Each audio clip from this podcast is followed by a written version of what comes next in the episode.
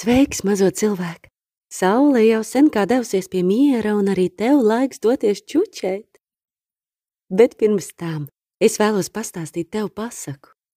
Vai pasaku pasauli tā ir tik interesanta? Reizēm pasakas ir gudras, reizēm skumjas, reizēm jautras, priecīgas. Es ceru, ka tev patiks. Nu tad, aiziet! Sākam! Latviešu tautas pasaka - zvēru ķēniņš lauva. Zirgs ēd pakalnā un padikti pats pie sevis nopūšās. Nē, nu to ilgāk vairs necietīšu. Ja jēdzis man vēl rītu tik smagu vezumu uzkraus, tad iešu pie sava ķēniņa lauvas žēlistību lūgties. Bet tikko bērēs šos vārdus izteica, te lauva izlec no krūma un saka: Tavas nopūtas dzirdēju, bet tagad gribu redzēt, vai patiesi tik nespēcīgs esi. Eimi jau trīs nedēļas apkārt un visus gļēvuļus nomaitāju, turpetīm stipros dūšīgos uzteicu. Es pats stipris, tādēļ gribu, ka mani pavalstnieki arī stipri.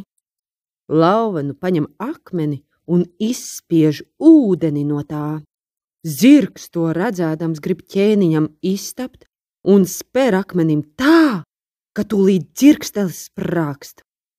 Tu esi mans pavalstnieks, lauva priecājās, un grib aiziet, bet zirgs viņu tūlīt vēl nelaiž sacīdams. Cienīgs ķēniņ, man vēl kas uz sirds.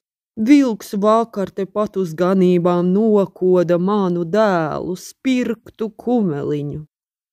Lauva to dzirdēdams, apsolās vilku pārmācīt. Netālu turpat purmalā vilks pat labans salgozī gorās.